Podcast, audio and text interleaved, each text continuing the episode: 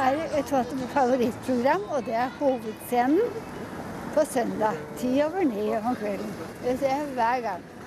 Det er klassisk musikk, og det får vi ikke for mye av. Nei, jeg liker å se politikk, jeg da. Debatter. Barne-TV. Jeg hadde akkurat flyttet til London da det var Grand Prix i Norge, i Bergen. Og da Sissel Kirkebø sto der og sang i min hjemby, da satt jeg og gråt og gråt og gråt borte i London og var full i hjemlengsel. Jeg hadde bodd der i fire dager. Det er minnet sitter som et skudd, ja. Ta sjansen. Det tror jeg må være et av de favoritt med familien som jeg husker da jeg var liten. Som vi satt og så på alle sammen. Det husker jeg godt. Det er jo selvfølgelig sporten, det. Faktisk jeg vil gå så langt tilbake og så si 1632-6 til Hjalles. Det tror jeg er det største øyeblikket mitt. Og nå presser Hjallis i siste sving og ligger nå 70 meter foran den lille japaner som også har en runde igjen. Og nå slenger han med armene og går inn mot mål. I et forrykende tempo av krefter og stil og alt i behold. Der! Jeg har 16.45,8. Bevare meg vel. Ja, I dag er det altså 80 år siden Stortinget vedtok å opprette et statlig kringkastingsselskap. Det ble til NRK. Hans Fredrik Dahl, du er historiker. Du har bl.a. forsket på mediehistorie, og du har skrevet bøker om, om NRKs historie. Vi skal, vi skal, snakke litt om 21.6.1933, men, men aller først, har du et sånt NRK-øyeblikk som har satt seg? Alle har det.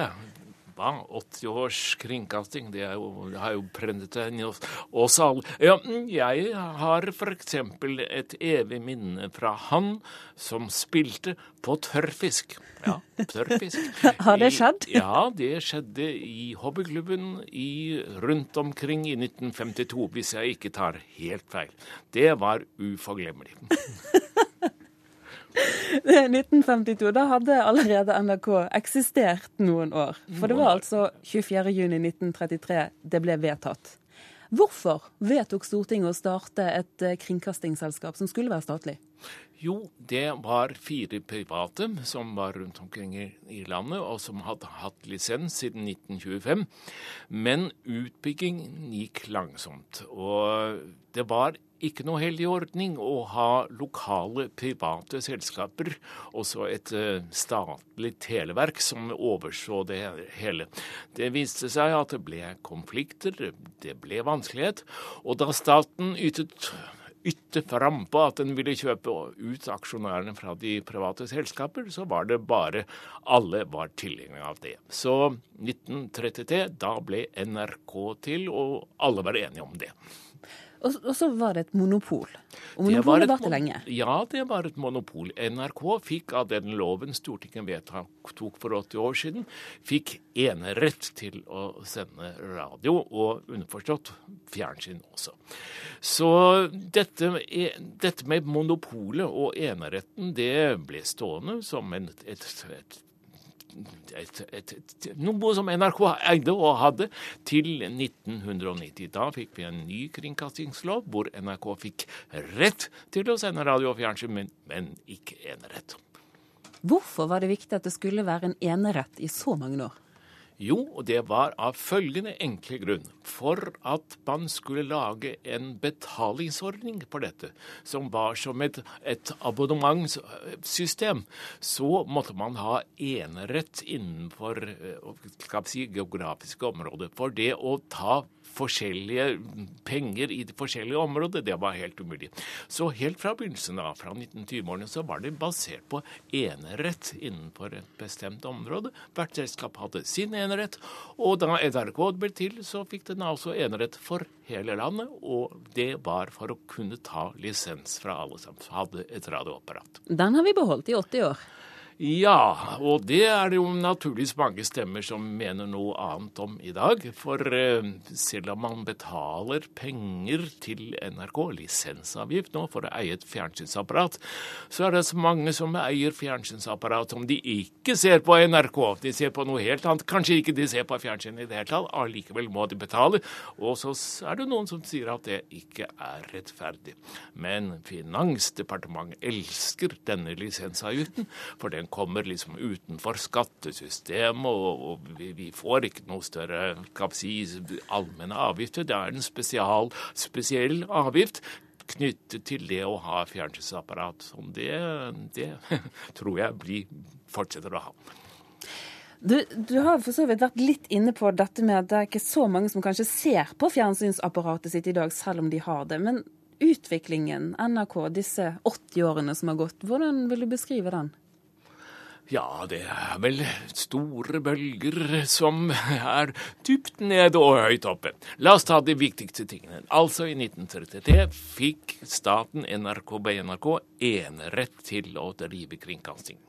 Og denne eneretten gjorde da at man måtte fra 1950-årene tenke på om man kanskje skulle så å si være forpliktet til å utvikle fjernsyn også. Og så ble det fjernsyn fra 1960. Da ble skal vi si, to kanaler, radiokanal og fjernsynskanal. Så var det fortsatt monopol da, fra, gjennom 1960- og 70-årene og 80-årene så fikk vi de første private lisensdrevne radiokanaler, nemlig den såkalte nærradio. Og dette ble si, med forskjellige lover i 1980-årene ordnet slik at fra 1990 så hadde NRK rett til å sende, som jeg sa, men ikke enerett. De andre fikk også rett til å sende. I 1990 så fikk vi i et stortingsvedtak om privat og, og finans, finansiert gjennom annonser fjernsyn. Slik at fra 1990-årene så har vi hatt altså konkurranse på fjernsyn, liksom vi fra 1980-årene hadde konkurranse på radio.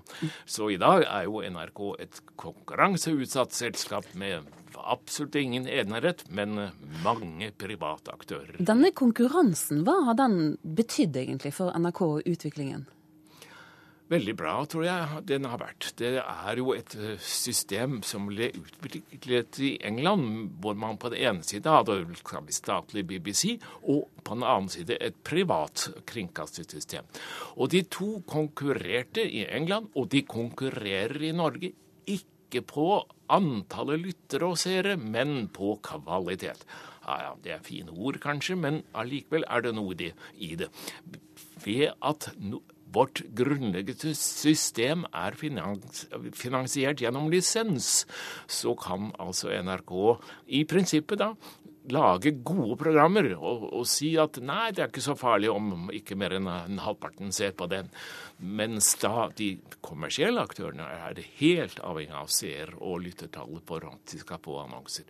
Men konkurransen, altså mellom en, finans, en del som er finansiert av lisens, og en annen del som er finansiert av annonser, har vist seg vellykket.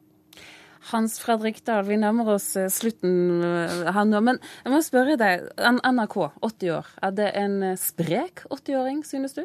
Å oh, ja.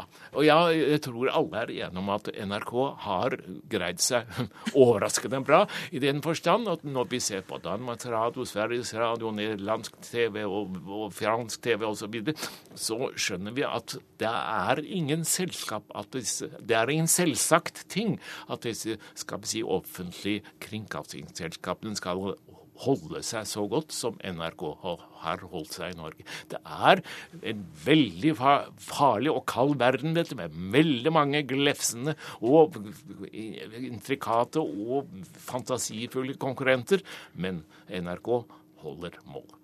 Hans Fredrik Dahl, takk for at du var med oss her i Kulturnytt.